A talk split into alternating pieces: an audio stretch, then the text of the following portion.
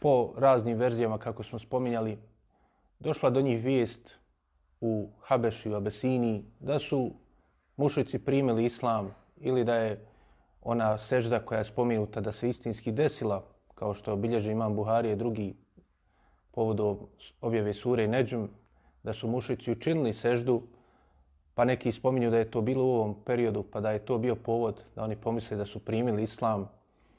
Drugi historičari kažu da je to bilo zato što su oni bili od mladića, prvaka, mekanski, koji su bili iz uglednih porodica i koji su bili nenaviknuti da žive u takoj jednoj situaciji daleko od svojih porodica, pa te lažne vijesti koje su mušici dostavili do njih da se mogu vratiti, da se vrate, oni su još brže onda požurili da se vrate i posebno zato što su osjetili veliku žeđ da se opet druže sa Allahovim poslanikom, sallallahu alaihi ve sellem, da kod njega uče da se napoje sa izvora objave koja je silazila Allahovom poslaniku, sallallahu alaihi ve sellem.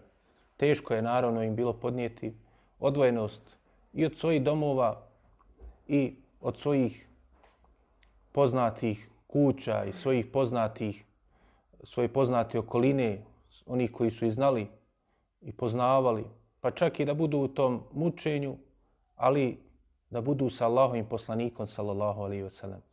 Pa dakle, nakon prve hijdžre vratili su se, bez obzira jel, koji je siguran bio povod toga, dakle, činjenica da se vratili ova skupina sahaba u Meku, ali da je to pokrenulo velike promjene, kao što smo rekli prošli put, nagovijestilo je i učinilo se čak i onima koji su van Mekke da se nešto dešava u Mekki. U tom vremenu, jel, kada nije bilo sredstava komunikacije kao danas, to što su imali priliku da dobiju vijest iz ove činjenice da su neki mladići iz najuglednijih porodica morali napustiti svoju, svoj rodni kraj samo zato da bi bježali sa svojom vjerom. To je zaintegriralo da se raspitaju Allahove vjeri. I s druge strane, počeli su i muslimani drugačije da postupaju u Mekke. Pa su, jel, iako su bili izloženi mučenju i nevoljama i teškoćama, ipak su odlučivali još smjelije, još hrabrije da javno ispovjedaju svoju vjeru. U svemu tome mušici su postali još onda žešći i objesniji u svojim odgovorima na to. Željeli su jel, da to opet po svaku cijenu spriječi. Svaki napredak islama oni su pokušavali da ga suzbiju svojim još žešćim napadima, još gorim metodama. Pa su između ostalog u ovom periodu također odlazili Ebu Talibu, kao što smo i to i prije spominjali. Dakle, ponovo su išli Ebu Talibu. U ovom periodu se spominje ona poznata predaja da je poslaniku sallallahu alejhi ve sellem došao Ebu Talib nakon što su ga nagovorili njegovi prijatelji, velikani Kurejša, vođe mušrika, pa da je on rekao svome Amidži, kada bi mi stavili sunce u desnu, a mjesec u lijevu ruku, ja ne bi odustao od ovoga. Ta predaja, kao što smo spominjali, nije vjerodostojna, ali dakle, činjenica je i mora se razumiti iz mnoštva tih predaja koje govori o dešavanju u ovom periodu, da je Ebu Talib doista dolazi Allahom poslaniku sallallahu alaihi ve sellem i da je pokušavao ga da govoriti da vidi da neki način da se smiri ta situacija, da nađu neki kompromis, kako bi rekli, jel, lažni i truli kompromis na štetu istine.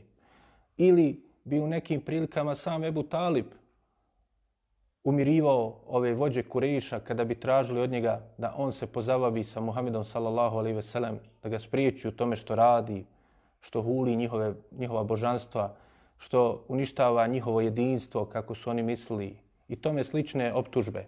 Ali Ebu Talib nekada bi sam ismirivao, nekada bi otišao poslaniku, sallallahu alaihi sellem, kada bi ga ponijele njihove riječi, ali bi onda na kraju se ipak on smirivao i stajao na stranu Allahovog poslanika, sallallahu alaihi sellem. Iako svo to vrijeme nije želio da primi islam i da odustane od vjere svojih djedova. Ali je dakle imao tu osobinu i kao što smo to više puta spominjali, to je velika Allahova mudrost da se vidi jel, kako to nije ni bila ni neka porodična stvar porodice, dakle Benu Hašim, dakle zato što su bili oni koji su među njima primili islam odma uz poslanika sallallahu alejhi ve sellem. Neki koji su ga branili a nisu primili islam, neki koji su bili najžešći neprijatelji poput Ebu Leheba, neki koji će kasnije primiti islam poput kao što ćemo danas vidjeti Hamze ili još kasnije Abasa, dakle Amidža Allahov poslanika sallallahu alaihi ve sellem.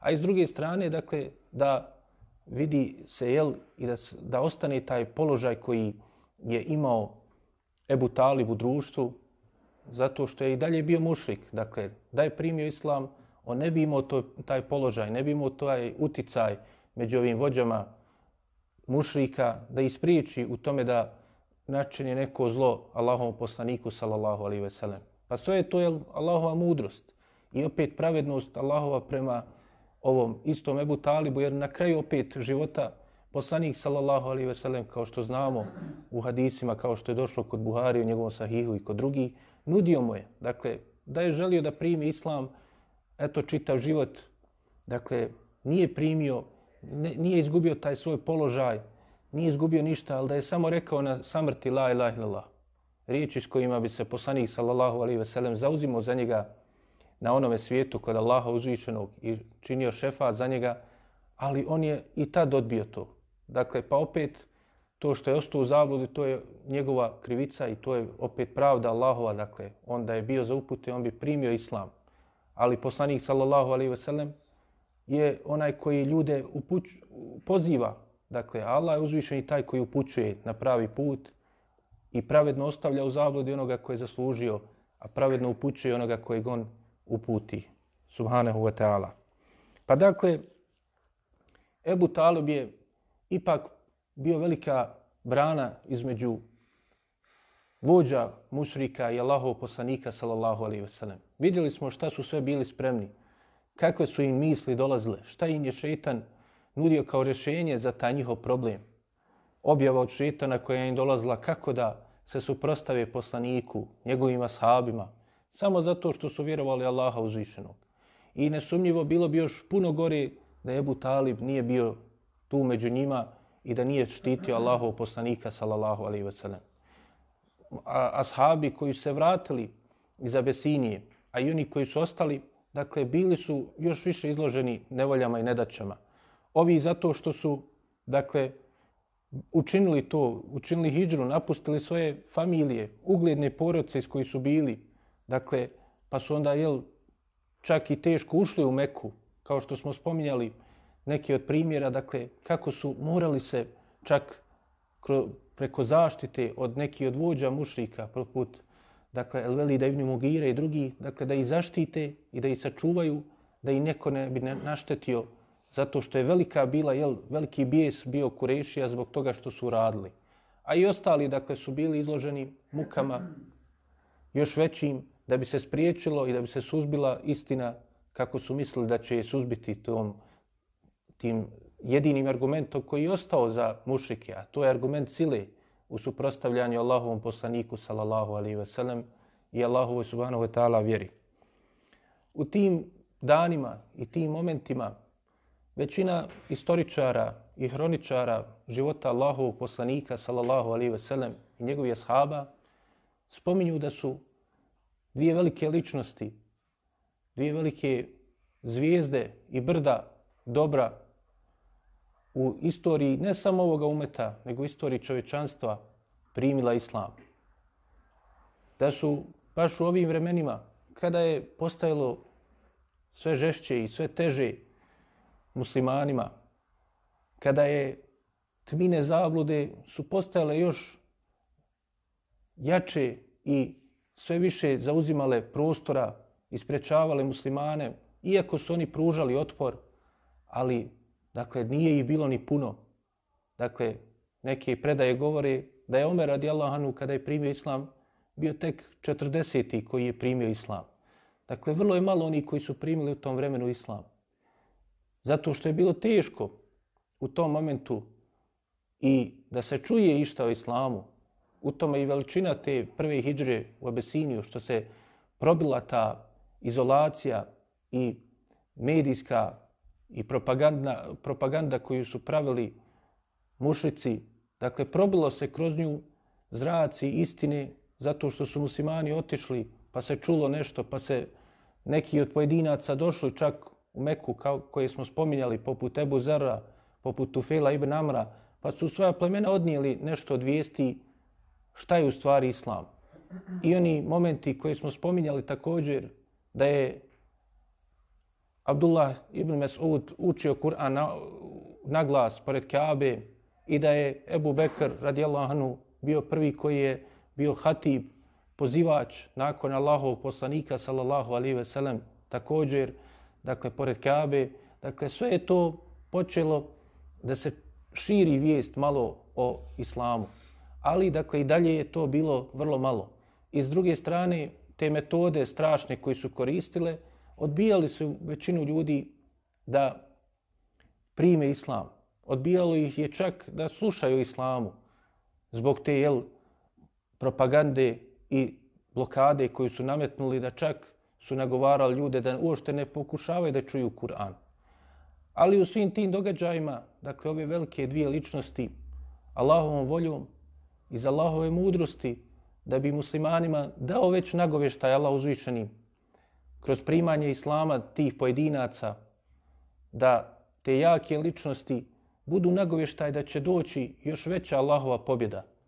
Dakle, tragovi istine i tragovi Allahove pomoći su se nagovijestili kroz njihovo primanje Islama. Ukazali su da Allah uzvišeni će, kao što im je dao olakšanje, sa njima dati još veće olakšanje u budućnosti ako ustraju na Allahom subhanahu wa ta'ala putu. Pa se spominje da je prvi od te dvojice koji je primio Islam Hamza ibn Abdul Muttalib. Dakle, Amidža Allahov poslanika sallallahu alaihi ve sellem. I ne samo da je bio Amidža Allahov poslanika sallallahu alaihi ve sellem, nego je bio i njegov brat po mlijeku. Dakle, spominjali smo to već na početku, da je Hamza bio taj koji je zajedno sa poslanikom sallallahu alaihi ve sellem kod iste dojilje bio dojen, pa su dakle po mlijeku braća. A spominje se da je bio stariji od poslanika sallallahu alaihi ve sellem oko dvije, neki spominju četiri godine. Što se tiče kada je on primio islam, dakle, ovo je vrijeme kada mi govorimo je već šesta godina po poslanstvu Allahov poslanika, sallallahu alaihi wa sallam. I većina istoričara spominju njegovo primanje islama, dakle, nakon ove prve hijđre u Abesiniju. Dakle, ona je bila sredinom pete godine po poslanstvu, pa dakle, sljedeće godine u tim mjesecima kada se vratili, kada su bili izloženi nevoljama, da je Hamza primio islam. I to spominju neki od istoričara, poput Ibn Sada, eh, u svojim tabekat, ali kažu oni koji su vršili valorizaciju tih predaja i ocjenjivali njihovu vjerodostojnost, da, je, da su te predaje slabe. U drugim nekim predajama spominje se da je već dvije, druge godine po poslanstvu Hamza ibn Abdul Muttalib primio islam.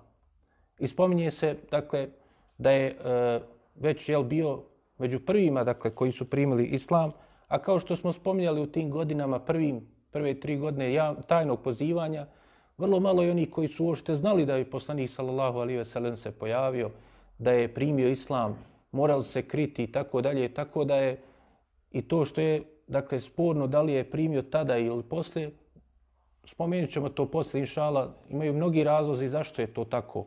Pa dakle, ovu drugu predaju e, da je druge godine po poslanstvu primio islam, tu predaju su pojačali i ocijenili da je bolja i jača, između ostalih i Ibn Hajar i Ibn Ethir, koji su poznati, dakle, ne samo kao veliki imami i hafizi hadisa, nego i kao oni koji su dosta uradili po pitanju života ashaba i napisali poznata dijela po, to, po pitanju života ashaba, dakle, njihova dijela su među najupa, najpoznatijima. Dakle, Ibn Hajar je napisao dijelo Isabe, Fitemizi, Sahabe, a e, Ibn Athir je napisao knjigu Esad, e, Esadul Gabe, u kojima je, dakle, se spominju biografije Ashaba i najvažniji momenti iz njihovih života. Pa dakle, u svakom slučaju, istoričari dakle, spominju da je on primio islam u ovom periodu i kada se spominje dakle, život poslanika sallallahu alaihi ve sellem njegova sira, dakle, spominju ovaj događaj primanja Hamzinog islama, spominju, dakle, u, u događajima u ovom periodu, nakon prve hijđre u Abesiniju. Iako, dakle, treba znati da je Allah najbolje zna vjerodostojnije i jače da je on primio druge godine e, po poslanstvu. Pa kažu, dakle, poznata ima, ima kazivanje kako je Hamza ibn Abdul Mutalib primio islam. Dakle, Hamza ibn Abdul Mutalib je jedan od velikana ovoga umeta i čovečanstva, lav islama, koji će preseliti u bitci na Uhudu i koji će biti jedan od najodabranijih šehida na Allahovom putu. Čak prvak šehida je Hamza ibn Abdul Mutalib, koji je jel, se istakao posebno i u prvoj bitci na Bedru, a i u samoj bitci na Uhudu. Pa dakle, bio je veliki prvak i borac na Allahovom putu. Dakle, nije dugo poživio sa Allahovim poslanikom, sallallahu alihi wasallam, već, dakle, nakon hijđre, ubrzo, jel, je, će preseliti, dakle, u, u, u bitci na Uhudu.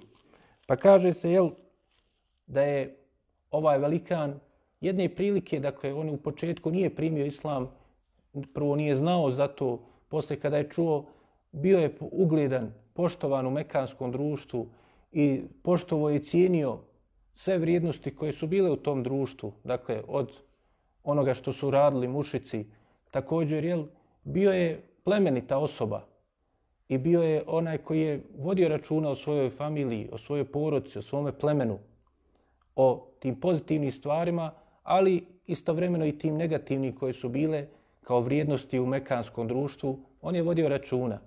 Pa spominje se u predaji, dakle, da je Hamza ibn Abdumutalib jedne prilike vratio se iz lova i čuo da je Allahov poslanika, sallallahu alaihi ve sellem, Ebu Džehl, kao što smo vidjeli da je to radio mnošto puta, jedne prilike kada je to čuo Hamza također, mučio i izrugivao se sa poslanikom, sallallahu alaihi ve sellem, vrijeđao ga i tako dalje, sve ono što je bilo poznato da je radio Ebu Džehl. Pa je Ibn Đudanova, robinja, srela Hamzu i rekla mu, jesi li čuo šta radi sa tvojim Amidžićom, Ebu Džehl? Dakle, a Ebu Džehl je bio iz drugog plemena. Dakle, nije bio, odnosno bili su svi iz Kureša, ali iz druge porodce Kureša, dakle, iz Benu Mahzum, druga porodca u okviru plemena Kureša. Za razliku, jel, od poslanika, sallallahu alaihi ve sellem, i Hamze, koji su izbili ben, iz Benu uh, Abdul Mutalib. Pa dakle, kada je to čuo, probudilo je to u njemu, kako navode u ovoj predaji istoričari, probudilo je to u njemu, dakle, tu porodičnu vezu i e, potrebu da zaštiti svoju rodbinu i porodcu. A volio je on Allahov poslanika, sallallahu alaihi ve sellem, i bio je vrlo blizak s njim. Dakle, bili su braća po mlijeku. To je bila vrlo važna veza u mekanskom društvu, među Arapima općento. I također, pošto je bio taka plementa osoba i cijenjena i koji je bio poznat po dobrim stvarima, također jel, onda je poštovo još jednu sličnu sebi osobu koja je još bila bolja od njega i cijenio i poštovao dakle, Allahov poslanika, sallallahu alaihi ve sellem. Pa kaže, kada je čuo to da radi Ebu Džehl, onda je on požurio i došao do Ebu Džehla i onda je odgovorio mu žestoko i rekao, zašto ti radiš sa to, to sa mojim Amđićom? Pa mu je ovaj rekao, zato što je huli naše bogove i sve ostale one optužbe koje su iznosile na Allahov poslanika, sallallahu alaihi ve sellem, da kida njihove veze, da uništava njihovo jedinstvo, da sije fesad i nered i tako dalje. Pa je rekao, kaže, onda kaj trebaš i mene napadati, jer ja sam primio njegovu vjeru, i ja sam na njegove vjeri. Pa je nakon toga, dakle, Hamza ibn Abdul Muttalib kažu, vratio se kući kada je odbranio poslanika sallallahu alejhi ve sellem u ovoj situaciji i onda je razmislio svojim riječima i kaže, shvatio je da je to rekao iz te pristrasnosti, dakle, da bi odgovorio ovome Ebu Džehlu. I onda kada je razmislio, onda je došlo mu i počela je uputa da ulazi u njegovo srce i onda je istinski primio islam. U prvom momentu, dakle, bilo je to samo radi odbrane poslanika sallallahu alejhi ve sellem iz poročnih veza i ti eh, dakle eh, pristrasnosti plemenske koja je bila prisutna kod njih, a onda na kraju je kaže primio islam. Eh, no međutim ova predaja koju bliže imam Hakim i e, Ibn Ishak u svojoj siri poznati hroničar života Allahov poslanika, sallallahu alaihi ve sellem, iako je opće poznata, dakle, ona nije vjerodostojna. Dakle, svi lanci prenosilaca ove predaje imaju neki vid slabosti u sebi. I zato kaže poznati savremeni e, istoričar Ekrem Dija El-Umari, kaže što se tiče primanja Islama Hamza ibn Abdul Mutaliba, ne postoji ništa vjerodostojno što nam govori kako i kad je dakle, on primio Islam. Znači, kakve su bile okolnosti kada je on primio Islam, šta je bio povod i tome slično. Pa dakle, ovo prodaju svi navode, ali dakle, ono što je e, E, što moramo reći, zato što mnogi od ovih predaja, iako se navode nekada, dakle, treba ipak naglasiti kakav je njihov status, znači sa strane, da li su vjerodostojni ili ne. A ove stvari koje su ovdje spominute, nema ništa u njima sporno. Kao što kaže Enes radijallahu anhu e, u hadisu koji bilježi ima muslim, kaže nekada čovjek će primiti islam iz nekih svojih dunjaličkih interesa, poput ovoga interesa, da zaštiti svoje pleme, odbrani svoju porodcu, pa će to biti povod da Allah uzvišeni jel, u, u njegovo srce, znači ubaci, e, e, ubaci dakle, uputu i otvori njegovo srce da primi istinski Allahu subhanahu wa ta'ala vjeru. A s druge strane, i ta činjenica da je on štitio poslanika sallallahu alaihi ve sellem. Kao što smo vidjeli na primjer Ebu Taliba, to isto nije nešto e, strano što se dešavalo i prije. Jer kao što se spominje za slučaj Šuajba, alihi salam, Allahu posla, poslanika, kaže se da je njegov narod govorio da nije tvoga roda, da nije tvoje porodce. Leula rahtuke le ređem nak. Kaže da nije tvoje porodce, tog položaja kojeg ti imaš u smislu što imaš porodcu koja te štiti, koja će te braniti, iako te ne podržava u tome što ti pozivaš, što govoriš da si Allahov vjerovjesnik, poslanik, mi bi te, kaže, kamenovali. Pa dakle, Allah uzvišeni to daje, te dunjaličke uzroke, da budu uzroki povod da se neko, dakle, e, spasi i sačuva od nevolja koje mu žele nametnuti i učiniti oni koji su neprijatelji Allahove subhanahu wa ta'ala vjere. A općenito, dakle, i sama činjenica dakle, da, da je neko nevjernik, kao što ćemo vidjeti u mnogo slučajeva kroz život Allahovog poslanika, sallallahu alaihi ve sellem, da ih je pozivao uprko svemu onome što su mu radili, to nam govori dakle, da mržnja i ljubav koja je, treba da postoji, ljubav prema vjernicima i mržnja prema nevjernicima, nije zbog neke ličnosti, zbog nekih njegovih postupaka prema nekome od, od, između dakle, onoga što su radili poslaniku ili njegovim ashabima, pa da su ih zbog toga mrzili. Oni su ih mrzili zbog nevjerstva na koje su bili. Dakle, zbog stanja u kojem se nalazili. A ne zbog njihove ličnosti. Zato što im se ovaj ne sviđa, zato što ga je ovaj udario, tome slično. Nego zato što je povod svemu tome bila ta zabluda. Pa kaže, kada bi nestalo te zablude i kada bi nestalo tog povoda, onda bi, jel, kada bi prihvatili se vjere, onda bi onaj bila između njih ljubav. I to me potvrđuje to što je poslanik sallallahu alaihi ve sellem dovio za te ljude.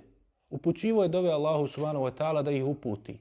Da je bila mržnja radi ličnosti. Čovjek kada nekomu nešto učini loše, kako on onda može očekivati i željeti e, dakle, dobro toj osobi? Dakle, priroda je da će željeti dakle, da se njemu nešto zlo desi. Ali dakle, ljubav i mržnja u islamu se zasniva dakle, na tome da mrzimo to nevjerstvo kod te osobe. Kod griješnika da mrzimo griješenje koje je kod njega. Kod novotara da mrzimo novotarije koje se nalaze kod njega. A ne ličnosti zbog toga što je ona od ovoga naroda ili onoga od tog porijekla ili ovoga porijekla, toga društvenog statusa ili onoga društvenog statusa. Nego zbog toga stanja po pitanju jel, pridržavanja Allahove subhanahu wa ta'ala vjere ili nepridržavanja. Pa dakle, koliko se pridržava Allahove vjere, toliko ga više volimo. Ali s druge strane, jel, i oni koji se ne pridržavaju, poslanik sallallahu alaihi ve sellem nas uči da, u, da činimo dovu za njih, da ih Allah uzvišeni uputi, da, da popravi njihovo stanje. Dakle, i to je najveći dokaz da čovjek dakle, ne mrzi onda tu ličnost samo zato što je ona toga ili ovoga porijekla ili tome slično. Zbog toga ko, kako ona izgleda ili nešto drugo, šta je lično meni uradio. Ne, nego kad ti doviš Allahu da ga uputi, onda ti potvrđuješ jel, da ne imaš tu stvar kod sebe. Ljudi kada se međusobno sukobe i zavade, onda žele da onome koje je njegov neprijatelj, da mu se sve zlo desi. Vidjeli smo na primjerima poslanika, sallallahu alaihi ve sellem, da samo su neki pojedinačni slučaje bili gdje je dovio za ne, protiv nekoga. Ali to je bilo zbog toga što je Allah uzvišeni tako htio, što je objavom obavijestio poslanika, sallallahu alaihi ve sellem, o statusu ti ljudi i zato što je njihovo zlo prevršilo svaku mjeru. Pa zbog toga je to bio uzrok, a ne zbog toga da je to bilo općenito pravilo kod Allahovog poslanika, sallallahu alaihi ve sellem. Pa dakle, u svakom slučaju Allahov poslanik, sallallahu alejhi ve sellem, se obradovao islamu Hamze. I Hamza, radijallahu anhu, iako uzmemo jel, da je primio u ovome periodu ili još prije, bio je velika pomoć Allahovom poslaniku, sallallahu alejhi ve sellem, u njegovom narodnom jel, periodu borbe i narednom periodu pozivanju Allahu subhanahu wa ta'ala vjeru. Nakon njega, vrlo brzo, neki kažu, jel, oni koji uzmaju da je šeste godine po hijđri, e, po poslanstvu primio Hamza Islam, kažu neki su, dakle, nakon Islama i primanja Islama, Hamza je primio također Islam. To je, dakle, došlo u predajama koje spominju između ostalog ima Zehebi, Ibn Sad i drugi, dakle, da je tada, dakle, vrlo brzo nakon ovoga što je Hamza primio Islam i oni koji jel, navode ovu predaju koju smo spomenuli kao povod, kažu da je nakon toga, jel, tri dana kasnije, Omer radijallahu anhu primio islam. Omer ibn Khattab radijallahu anhu, o njemu se može puno pričati i kao što znate i knjige su napisane, alhamdulillah i kod nas neke i prevedene, i mnoštvo toga je rečeno i kazano o ovom velikom ashabu Allahu poslanika sallallahu alaihi ve sellem. Dakle, nakon Ebu Bekra radijallahu anhu, naćemo, kao što je on i po vrijednosti nakon Ebu, Ebu Bekra radijallahu anhu, naćemo i najviše hadisa vjerodostojni koji govore o vrijednosti od Omera radijallahu anhu. Dakle, Omer radijallahu anhu je bio taj koji je bio uvijek uz Allahov poslanika sallallahu alejhi ve sellem i Ebu Bekra od momenta kada je primio islam. Dakle, kažu predaje i spominju nam da je on bio vrlo žestok u prvom momentu protiv islama. A onda kada je primio islam, bio je vrlo žestok i čvrst da odbrani islam i muslimane. Kao što je došlo u predaji koja je također bilježi imam Buhari u svom sahihu, vjerodostojna dakle, predaja koja nam govori da je Abdullah ibn Mesud, dakle još jedan od tih prvi ashaba, rekao, kaže, nismo mogli slobodno klanjati i e, dakle nismo e, bili ponosni i nismo bili sigurni, nismo bili poštovani sve dok nije Omer radijallahu anhu primio islam. I onda smo tada potpomognuti, ojačani sa njegovim primanjem islama. A kod imama Ahmeda je došlo dodatak, kaže, nismo mogli slobodno klanjati sve dok nije Omer radijallahu anhu primio islam. Pa dakle, Omer ibn Khattab je također iz poznatog i poštovanog kurešijskog porijekla iz porodice El Adavi, poznat kao Ebu Hafs, bio je emirul mu'minin, drugi pravedni halifa, prvi koji je nazvan emirul mu'minin je bio Omer radijallahu anhu, dakle 13. godine po hijđrije naslijedio Ebu Bekra kao halifu i 10 godina i 6 mjeseci se spominje da je bio halifa do 23. godine po hijđri, kada ga je Međusija, pokvarenjak i veliki zlotvor koji ima čast da se upisao da je i to mu jedina jel, čast, a nije to nikakva čast, nego je to veliko zlo za njega, Ebu Lu'lu el Međusi je ubio na sabah namazu usred Medine, usred poslanikove džamije, Ebu Omera radijallahu anhu dok je predvodio muslimane kao imam, on ga je ubo izbo na namazu. I može se reći da je on prvi atentator u istoriji u istoriji dakle ovoga umeta i nakon poslanstva Muhameda sallallahu alejhi ve sellem prvi koji je izvršio takav jedan vid dakle zloglasnog i čak šta više može može se reći samoubilačkog napada zato što je ovaj Ebu Lu'lu uzeo dakle nož koji je dakle imao e, oštricu s oba dvije strane i natopio ga je sa otrovom. Čak jedne prilike Omer radijelo Anu je prošao pored njega i vidio ga kako on nešto radi, a bio je poznati kovač, radio je za e, jednog od e, ashaba Allahu poslanika Mugiru, pa kaže, vidio ga je i ovaj mu je nešto rekao, kaže, spremam nešto za tebe. Pa kaže, Omer radijela ono, kaže, vidio sam da nešto ima kod njega. A on je u stvari jel, krio tu svoju mržnju. Dakle, da je on bio poštovani kovač, veliko zanimanje od tog vremena i bio, dakle, poznati u Perziji po tome, velikoj imperiji, carstvu, velikom civilizaciji. I onda je doživio jel, za njega veliko poniženje, da je kao Međusija, jel, vatropoklonik, bio rob kod jednog od Arapa. Pa je, dakle, on smatrao svoju misiju i potrebu da on bude taj koji će uništiti muslimane tako što će ubiti njihovog vođu i njihovog predvodnika. Dakle, predvodnika svih vjernika, Emirul Minina Omera radijallahu anhu. Pa dakle, on je napravio poseban nož i natopio ga sa otrovom i onda je u kada je došao u tu situaciju da ubija Allah, Omera radijallahu anhu, dakle, on je znao da se neće izvući odatle. I onda je on, kaže, kada je izbo Omera i kada su ljudi primijetili, a dakle moramo imati na umu da je to bilo na sabah namazu, u mraku, zato munafici nisu dolazili na jacu i sabah, jer niko nije mogao vidjeti i primijetiti da li su oni došli ili nisu. Nije bilo osvjetljenja kao danas.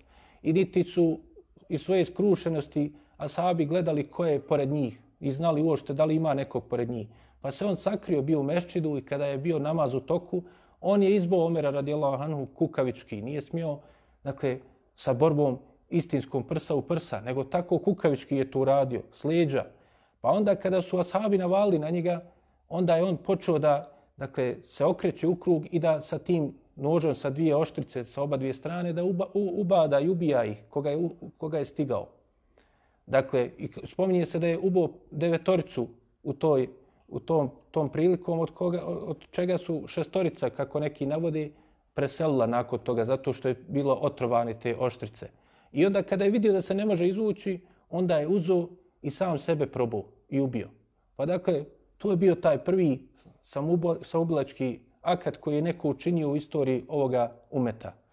Omer radijalanu postoji mnoštvo predaja koje govore o njegove vrijednosti.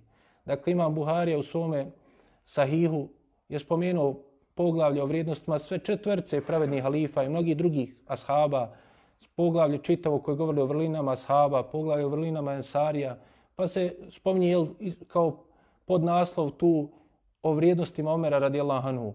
Od toga da je poslanik sallallahu alejhi ve sellem sanjao, usnu i vidio i e, vidio dvorac u dženetu, pa je vidio robinju ispred njega, pa kaže, pitao je čiji ovo dvorac, pa mu je ona rekla da je to dvorac od Omera radijallahu anhu. Pa kaže, poslanik sallallahu alejhi ve sellem, htio sam da uđem u njega, ali sam se sjetio ljubomere Omera, pa sam odlučio da ne uđem u njega. Kada je to ispričao Omeru radijallahu anhu, on je zaplakao, kaže, da, zar da na tebe bude ljubomoran Allaho poslaniće.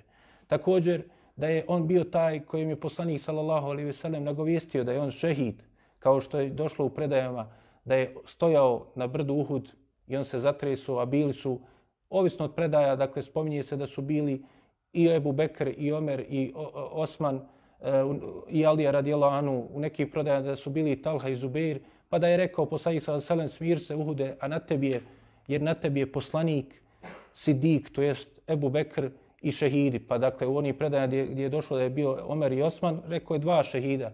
Onima u kojima je bio, da je bio Jalija radijallahu anhu, onda da je bilo tri šehida. U onim predajama u kojima je došlo da je bio Talha i Zubeir, onda da je bilo pet šehida. Dakle, u Sahihu Buharije došlo su da je bio Omer i Osman radijallahu anhuma.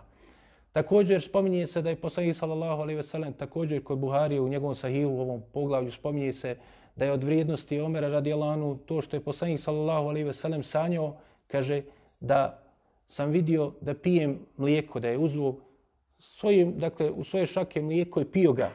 A kaže, kroz moje dakle, nokte, kroz moje, između mojih prstiju prolazilo je i, i, i curlo to mlijeko. Pa je posle to uzo, kaže, Omer radijallahu anhu. Pa kaže, pitali su ga kako tumačiš taj san, kaže, protumačio sam ga sa znanjem. To jest, da je Omeru radijallahu anhu dato veliko znanje, velika, veliko razumijevanje, veliki fik i poznavanje propisa što se i vidilo posebno u njegovom hilafetu pravednom koji je trajao 10 godina. Također u drugoj predaji kod Buharije stoji da je poslanik sallallahu alejhi ve sellem kaže sanjao ljude pa je vidio da su nosili košulje. Neki su imali košulje kaže do pasa, neki do koljena, neki do članaka, a nekima kaže se vuka, to jest vidio sam Omera da mu se vuče košulja zemljom. Dakle prekrila je čitavo njegovo tijelo. Pa je, kaže, pitao, pitali su ga što, kako tumačiš taj san Allahov poslaniće, rekao je, protumačio sam tu košulju sa vjerom. To jest da je velika vjera Omera radijallahu anhu, zato što je, što je duža ta košulja, to jest što je veća vjera. Također, kaže poslanik sallallahu alejhi ve sellem kod Buharije, kaže, bilo je u prethodnim umetima ljudi koji su bili muhaddithun, muhaddithun, to jest oni koji su imali e, e, spoznaju, koji su imali razumijevanje, da spoznaju i razumiju neke stvari. A kaže, ja se nadam i to i tako i bilo da je Omer radijallahu anhu od tih koji su imali tu pronicljivost, poznaju. Pa je tako, jel, Omer radijallahu anhu u nekoliko situacija preduhitrio objavu a, koja je došla Allahom poslaniku, sallallahu alaihi ve sellem, i koja je potvrdila stav i mišljenje Omera radijallahu anhu. Također od predaja je došlo da je poslanik, sallallahu alaihi ve sellem, sanjao da vadi iz bunara vodu, dakle sa onom, e, onom kladom preko koje se jel, namotava i vadi voda. Pa kaže, vidio sam nakon mene Ebu Bekra kako vadi. Pa kaže, izvadio je jednu ili dvije dakle, te e, posude vode, ali kaže, bilo to teško mukom. Pa sam onda vidio, kaže, Omer radijallahu anhu kako nakon njega vadi sa lakoćom tu vodu i kaže bila je ogromna posuda, puno veća nego što je bila Ebu Bekrova. I kaže ljudi se od, iz nje napili pa kaže svi se razrahatili nakon toga. Učenjaci spominju jel to možemo vratiti na vrijeme hilafeta Ebu Bekra i Omera. Kao što je poznato Ebu Bekr jel, vlado je vrlo malo, dva, dvije godine i nekoliko mjeseci. I to su bile teški period zato što je bila dosta pobuna oni koji su odmetnuli od Allahove vjere, oni koji su odbili da daju zekat, oni koji su se proglasili vjerovjesnicima i poslanicima poput Museleme Kedaba, Esveda Lanesija, Tulehe Lesedija. Pa dakle, to su bili teški periodi kada je Ebu Bekr sačuvao islam, ali dakle, period je bio vrlo težak, kao što je opis ovo došlo snu. A za razliku u vremenu Omera radijallahu koji je dakle imao veliku posudu, to jest njegova vlast, njegovo vladanje puno duže trajalo i ljudi se razrahatili, razrahatili u tom periodu, dakle bilo je to vrijeme prosperiteta. Pa dakle, mnoštvo je predaja koje govori o vrijednosti Omera radijallahu anhu. Muhammed, ibn, eh, Muhammed al-Hanafije, sin Ali radijallahu anhu, pitao je svoga babu, također Buharija nam to prenosi u sahihu, kaže ko je najvredniji, koga ste smatrali najvrednijim, pa su govorili Ebu Bekra, pa je rekao Ebu Bekra, a nakon njega Omera. Pa kaže, bojio sam se, kaže, da će reći kao trećeg osmana, pa sam pitao, zatim ti. Pa kaže, ne, ja sam samo jedan od običnih muslimana. Pa dakle, i čak Ali radijalanu je to potvrđivao. U predaji koju također bilježi ima eh, Buhari u svom sahihu od Ibn Abasa, spominje se kada je preselio Omer radijallahu anhu, da je to jako pogodilo Aliju radijallahu anhu. I onda je tu spomenuo kako je vrijednost imao veliku i posebnu. Omer radijallahu anhu kaže, uvijek smo govorili, došli su Allahov poslanik sallallahu alaihi ve sellem i Ebu Bekr i Omer. Ili kaže, otišli su Allahov poslanik Ebu Bekr i Omer. Dakle, uvijek su bili skupa. I zaželio Alija radijallahu anhu da i on preselio zajedno s njim, da ne ostaje on nakon njega. A u drugim predajama također kod Buhari je došlo da je jednom prilike desio se neki događaj, pa ljudi nisu povjerovali poslaniku sallallahu alaihi veselem po pitanju toga da je lav se obratio onaj čobanu nakon što mu je uzeo ovcu pa rekao nije bilo, kada mu je ovaj rekao ostavi tu ovcu, pa je, kaže, lav, uh, vuk, u stvari, uh, dakle, rekao, kaže, uh, što se čudiš, kaže, što sam ja uzeo u momentima lova ovu ovcu, kada nije bilo čobana da je čuva. Pa kaže, ljudi se začudili, rekli su Hanala, čuj vuk da progovori. Pa kaže, poslanik sallallahu alaihi veselem je rekao, zašto se čudite tome? Zašto se čudite tome kad u to vjerujem ja, a vjeruju u to i Ebu Bekr i Omer? A koji nisu tada bili, kaže, prisutni. Pa dakle, to pokazuje kakav ima bio Ebu Bekra i Omera i kako mjesto su oni imali. I mnošto je, dakle, toga što se more reći o Omeru radijallahu anu, ali ovo su, dakle, samo neki od detalja koje uvijek treba naglašavati i spominjati. Zbog toga što vidimo da u, sve to što se zna o Omeru radijallahu anhu i o Ebu Bekru radijallahu anhu i općenito o ashabima, mnoštvo je onih koji opet govore protiv njih. Spominje Hatib el-Bagdadi u svojoj istoriji, kaže, kada je Harun Rashid, koji je bio jel, abasijski halifa, veliki halifa iz abasijske dinastije, kaže, on je bio osnovao posebno e, dakle, zanimanje i poseban odjel u okviru dakle, njegove vlasti bilo je dakle, e, zanimanje, a to je da se istražuje i da se utvrđuje ko je zindik i da se suprostavlja širenju e, mišljenja koji su širili zindici. Dakle, to su bili ti raznorazni oblici, oni koji su lažno primali islam pa se pokušavali da preko toga što su lažno izgovarali da su muslimani, pretvarali se, onda da rovare među muslimanima, da unose razne zablude. Bilo je od toga oni koji su jel, širili e, dakle, e, nacionalizam, to jeste mržnju prema Arapima, a u korist svojih naroda koji su primili islam, ili oni koji su jel, širili razne zablude poput Rafidija, poput Haridžija i drugih. Pa kaže, jedan od tih koji je bio osuđen od Haruna Rašida na smrt, spominje, dakle, Hatib Bagdadi u svome tarihu Bagdad, kaže, pitao ga je Harun Rashid, kaže, zašto vi toliko napadate ashabe Allahov poslanika, sallallahu alaihi ve sellem? Zašto su vam oni toliko važni? Pa kaže, to je zato, kaže, ako uspijemo, kaže, da, e, da po, srušimo onaj položaj koji zaslužuju ashabi, slušimo njihovo mjesto, srušimo ono što oni predstavljaju islamu, njihovu pravednost i njihovu ispravnost, onda smo, kaže, srušili one koji su prenijeli vjeru. A kaže, kada srušimo one koji su prenijeli vjeru, onda će, kaže, vrlo lako nam biti da srušimo i ono što su prenijeli. To jest da sruše Kur'an i Sunnet. Ko nam je prenio vjeru ako nisu ovi ljudi? Pa zato je uvijek, i vidjet ćemo i orientalisti u današnjem vremenu, najviše jel, rovare kroz život Allahov poslanika, sallallahu alaihi ve sellem. Spominjali smo prošli put jedan od tih primjera.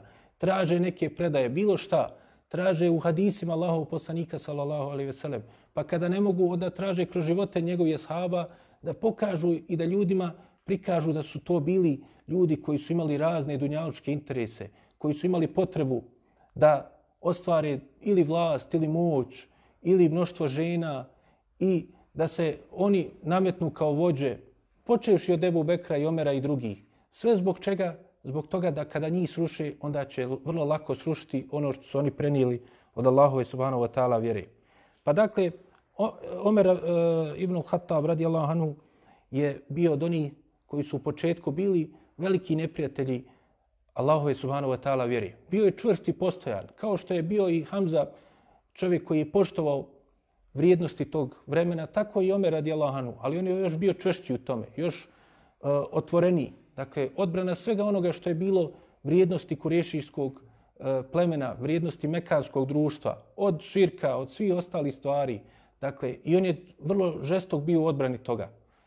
Pa spominju se nekim predajama oko koji ima razilaženja. Dakle, e, Še Albani ih smatra vjerodostojnim i došli su poznati zbirkama poput e, Musneda imama Ahmeda, poput e, Tirmizine zbirke hadisa, njegovog sunena.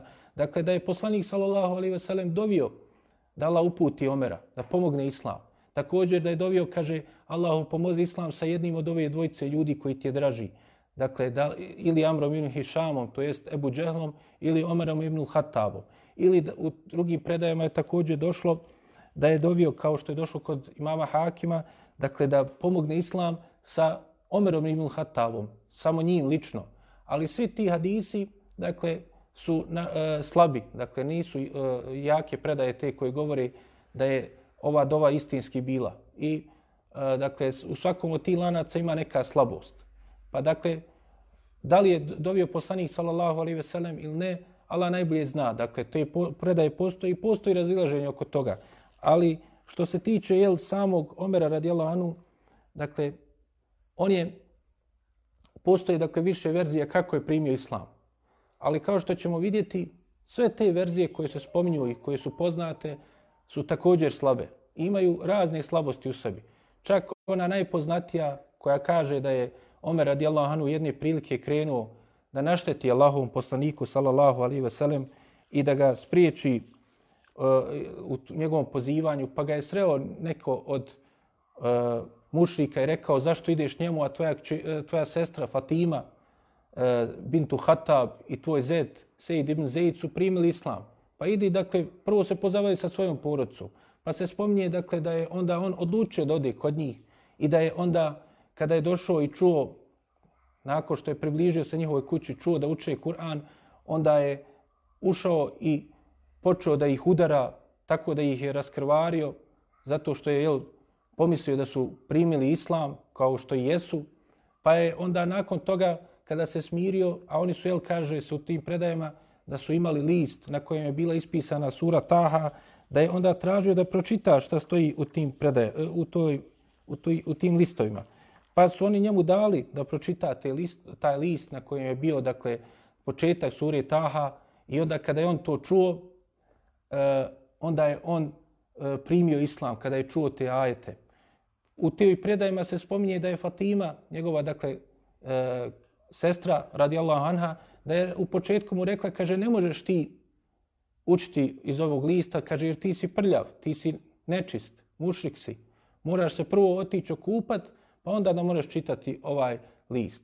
I to je jedan od e, uzroka što su učenjaci ovu predaju cijenili slabom. Zato što kako može mušrik, iako se okupa, da se time očisti i da može učiti Kur'an. Dakle, neophodno je da mušrik primi islam. Dakle, njegova nečistoća nije istinska, nego je nečistoća u, u, u značenju, zato što je on e, ne, nije na islamu, zato što je mušrik. Pa dakle, te predaje su, kao što kažu učenjaci, iako je bilježe ima Mahmed u Fadaju, Sahabe i Hakim u svojom Ostedreku, dakle, svi ti lanci su slabi. Imaju neke slabosti, sami lanci po sebi, čak dakle, nisu prenešeni od Ashaba, a s druge strane, jel, vidimo na ovim nekim stvarima koje su spomenute u tim predajama, da, e, dakle, da imaju svoju e, dakle, nekearu i svoje neispravnosti sa strane onoga teksta koji je došao. U drugoj predaji je došlo da je poslanik sallallahu e, da je Omer radijallahu anhu kao što bilježi Ebu Nuaymu Hiljetu Levlija primio islam tri dana nakon Hamze pa kaže otišao je da opet našteti poslaniku a Hamza je sjedio kod poslanika sallallahu alejhi pa su se ostali prepali kada je on došao pa je kaže nakon što je ušao, onda je Allah uzvišen je otvorio njegovo srce, pa je, kaže, primio ipak islam. I onda su, kaže, oni izašli u dva safa. I kaže, u jednom je, jedan saf je predvodio Hamza, drugi Omer. Pa kaže, kada su tako izašli, nisu mušici smjeli ništa da im urade. Dakle, bojali se kada su vidjeli da ih taka dvojica poštovanih u njihovom društvu i jakih i velikih prvaka i junaka predvode, nisu im smjeli ništa uraditi, pa su oni, dakle, mogli da mirno ibadete pored Kaabe. Dakle, ta predaja također je slaba. Treća verzija kako je primio islam govori nam da je e, Omer radijallahu anhu, kao što bilježe ima Mahmed, dakle, e, čuo poslanika sallallahu alaihi ve sellem pored Kaabe kako uči Kur'an. Pa je, kaže, sakrio se Omer radijallahu anhu i, kaže, slušao učenje Kur'ana kojeg je učio iz sure Haqa, e, Allahu poslanik sallallahu alaihi ve sellem, pa kada je čuo te ajete, to je raznježilo njegovo srce i to je bio uzrok da on primi islam. No međutim, također i ova predaja slaba. Pa, dakle, kao što je i slučaj Hamze, tako i Omer radijallahu anhu, dakle, nije jasno povodi i uzroci i sami događaj kad su oni primili islam. Dakle, ovdje treba napomenuti po pitanju ovih stvari, dakle, kao što i kažu i po pitanju toga kada je Omer radijallahu anhu primio islam, koje to godine bilo. Neki kažu jel da je bilo to šeste godine, kao što bilježi Ibn Sad u svojim tabakat, ali kaže učenjaci također da su ove predaje slabe i sama činjenica da ovim predajama se spominje da je Omer radijallahu anhu još nekim drugim predajama koje ćemo vidjeti da je Omer radijallahu anhu e, bio sa svojim sinom Abdullahom ime Omerom koji je bio već razumijevo stvari. Dakle, nije bio malo dijete skroz. Pa kaže se da je imao pet ili šest godina. A kaže, spominje se da je on, kada je imao 14 godina, na bitci na Uhudu da ga je poslanik sallallahu alejhi ve sellem vratio, nije mu dao zato što je bio još premal, zato što je imao 14 godina. To je došlo u vjerodostojnim predajama. Pa kaže, kada uzmemo to između tog perioda, da li je to bilo šeste godine ili je bilo to e, nekada kasnije, kaže, iz tih nekih stvari, iako dakle, ne postoje jasne predaje, onda se može razumjeti da je Omer radijalanu primio tek devete godine po poslanstvu islam. I to je ono što je najbliže. Allah najbolje zna, jel? Zato što nema jasnih predaja koje govore o tome. Pa dakle, kažu učenjaci, zašto je to tako? Videli smo i neke druge stvari i neke druge događaje u kojima postoje predaje koje su poznate, dakle, posebno u ovom mekanskom periodu, koje nisu, dakle, sigurni lanci, nisu sačuvani lanci oko toga. Učenjaci kažu zato što je vrlo malo muslimana tada bilo. Bili su ovi velikani, dakle, predvodnici, najbolji ashabi. A njih ćemo vidjeti kroz njihove živote da su vrlo malo prenosili i pričali hadisa od Allahovog poslanika sallallahu alaihi veselem. Čak u nekim momentima bi rekli neke hadise tek kada bi bila potreba. Neke stvari koje smo saznali, poput ovoga što je kaže Sejid ibn Zaid, dakle jedan od tih prvih muslimana, dakle taj Zet od Omera radijallahu anhu kaže, kaže vrlo nas je žestoko mučio, to obilježi imam Buhari u svome sahihu, kaže vrlo nas je žestoko mučio e, Omer radijalahanu, anhu, pa bi nas znao svezati. Iz toga jel, vidimo da je tačno da je on mučio svoju sestru i svoga zeta zato što su primili islam. Ali kada kažu u toj predaji vidimo zašto je to rekao Sejid ibn Zaid. Kada je to tek rekao? Kaže, rekao je tek, kaže, kada je ubijen Osman radijallahu anhu. Pa kaže, spomenuo je, kaže, mi smo bili mučeni, dakle, imali smo velike teškoće. Dakle, čak nas je, dakle, moj, dakle, e, brat od moje sestre, dakle, ona, od moje žene me je mučio. Omer radijallahu anhu, najpošteniji, jedan najuglednija sahaba.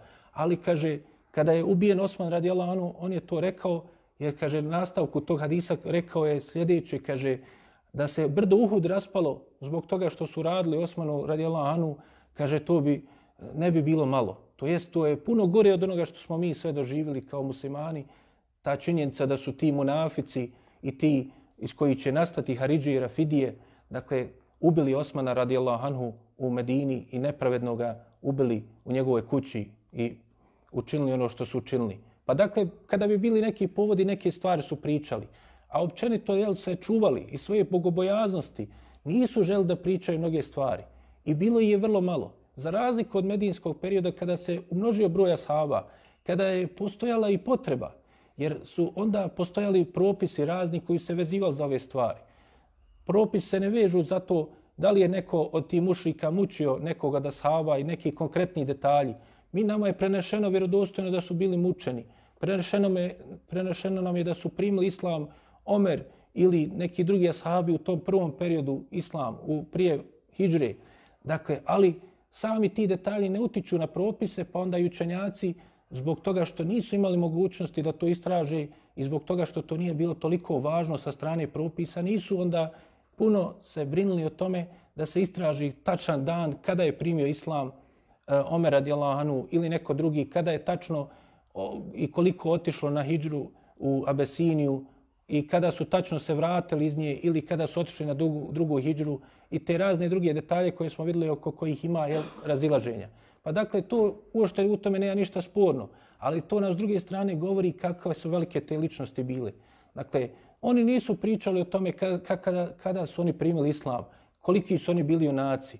Neke stvari koje su samo spominjali bilo bi ne zato da bi odbranili svoju ličnost, nego zato što je postojala potreba radi koristi islama, muslimana, da se o nekim od tih stvari kaže.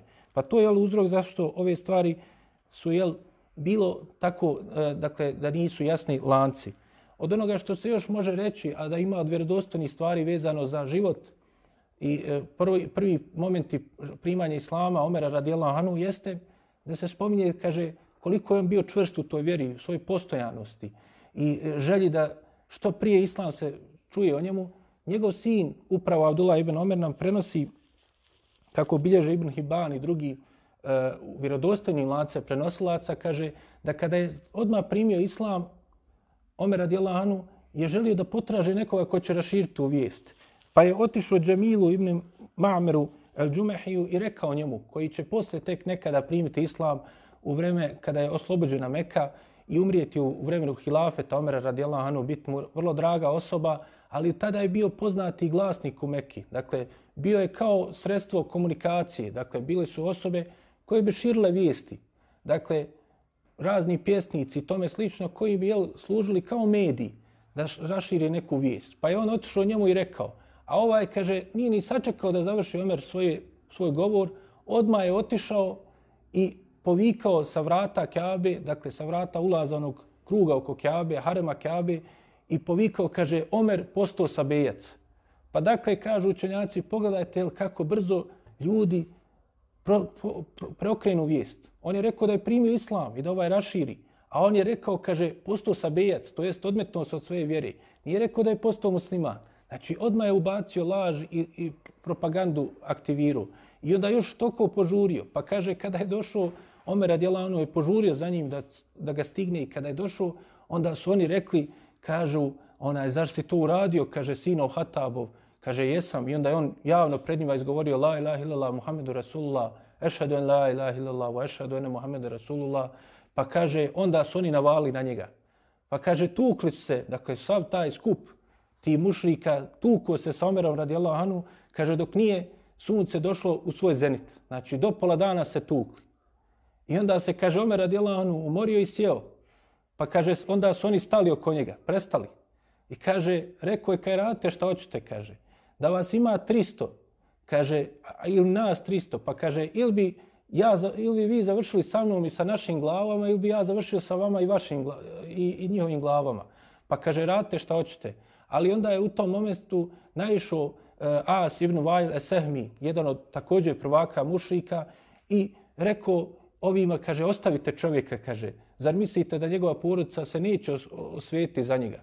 Dakle, opet onaj primjer koji smo spominjali i za Ebu Bekra, dakle, ta pristrasnost plemenska, iako su, jel, As ibn Vajla Sehmi je bio jedan od najgorih koji su bili prema poslaniku, sallallahu alaihi sallam, oni su ipak, jel, cijenili te neke svoje vrijednosti koje su imali društvene. Iako, jel, je bila razlika i neprijateljstvo radi vjeri, ali su i čuvali te stvari. Pa kaže, onda su ovi odustali od Omera radi Allahanu. No, međutim, Buhari u svom sahihu spominje, kaže, nakon što se vratio Omer radi Allahanu u svojoj kući, kaže, onda su ovi opet došli pred njegovu kuću i okružili. Pa je Omer radijallahu anhu se bio ipak prepao od toga. Pa kaže Abdullah ibn uh, Omer, kaže, kada je to se desilo, kada je došao je, dakle, jedan čovjek, on nije znao tada ko je, pa kaže, na kraju to je predaje, spominje se, da je onda pitao uh, Omera radi Allahanu, ko je bio taj čovjek koji je došao, kaže, kaže, to je bio opet As ibn Vajle Sehmi, kaže, Allah ga kaj ne nagradio za ono što je uradio, zato što je na kraju preselio prije nego što će biti bitka na Bedru kao, muš, kao muši, kao nevjernik. Pa kaže, on je došao po uh, Omeru radijala Anu i pitao šta je problem. Pa mu je on rekao, kaže, ovi su došli, hoće da mi nažal učine. Pa kaže, ne boj se, ja te zaštititi i neće on ti rebi ništa smjeti uraditi. I tako je bilo. Dakle, na kraju su ostavili Omera radijala Anu, Dakle, i čak i njega, jel, iako je bio taj velikan i veliki prvak, dakle, ipak Allah uzvišeni ga je pomogao sa mušikom. Dakle, pomogao je da ga zaštiti jedan mušrik, što jel, ukazuje da korištenje nevijenika, njihove zaštite, ako čovjek neće ništa odustati od svoje vjere, nema nikakve smjetnje u tome. Pa dakle, oni su time odustali od te svoje namere, a dakle, nesumnjivo, jel, kao što smo rekli, Omer radijallahu je bio veliki uzrok i povod da muslimani ostvare u tom periodu koji je nastupio, malo je olakšanja, malo je dakle došlo njima pomoći od Allaha uzvišeni sa islamom ove dvojice velikana. I mogli su, kao što kaže Abdullah ibn Mesud, mogli smo, kaže, da obavljamo namaz pored Kaabe slobodno kada je Omer radijallahu anhu primio islam. No međutim, kao i ono prethodno što smo spominjali, događaj kada je Allah uzvišeni dao neke olakšice i olakšanja, zrake, dakle, da se razbija ta tmina zablude ipak nakon toga oni su mušici postajali sve žešći. Pa su dakle nakon toga ponovo navalili na ashabe, na muslimane, pa i na samog Omera radijallahu anhu. Ali Omer radijallahu anhu je dakle kroz to već pokazivo i pokazao kolika će on biti ličnost. Dakle, kao što je poznato da je Omer radijallahu anhu bio taj koji je bio toliko bojao se Allaha uzvišenog i toliko se plašio da je on uprko svim tim stvarima koje je uradio, za Allahu subhanahu wa ta'ala vjeru i za zaštitu muslimana, da je on ipak se bojao pred sam kraj svoga života, znao bi Huzefu radijela Anu pitati da li je on na onoj listi e, munafika koju je posjedovo i poznavao Huzefe radijela Anu. Kao što nam to prenosi Ibn Abi Šejbe. Pa dakle, Omer radijela Anu do kraja svoga života nije se zanosio tim svojim dijelima. Nije govorio šta sam ja sve uradio nego je jel, pokazao tu istinsku veličinu imana što je do kraja života plašio se da mu ne propadnu ta djela, da ne do Allah uradi nešto čime će poništiti sve što je radio do tada. Čuvao je svoju vjeru i svoj iman. Ono što je najvrednije da se čuva. Molim Allaha subhanahu wa ta'ala da nam oprosti naše grijehe, da nam poveća ljubav prema Allahom poslaniku sallallahu alaihi ve sellem, da nam se smiluje i učini od istinskih sljedbenika Allahovog poslanika Muhameda sallallahu alaihi ve sellem. Subhanaka Allahumma bihamdika shada'ina anta astaghfiruka wa atubu ilaik.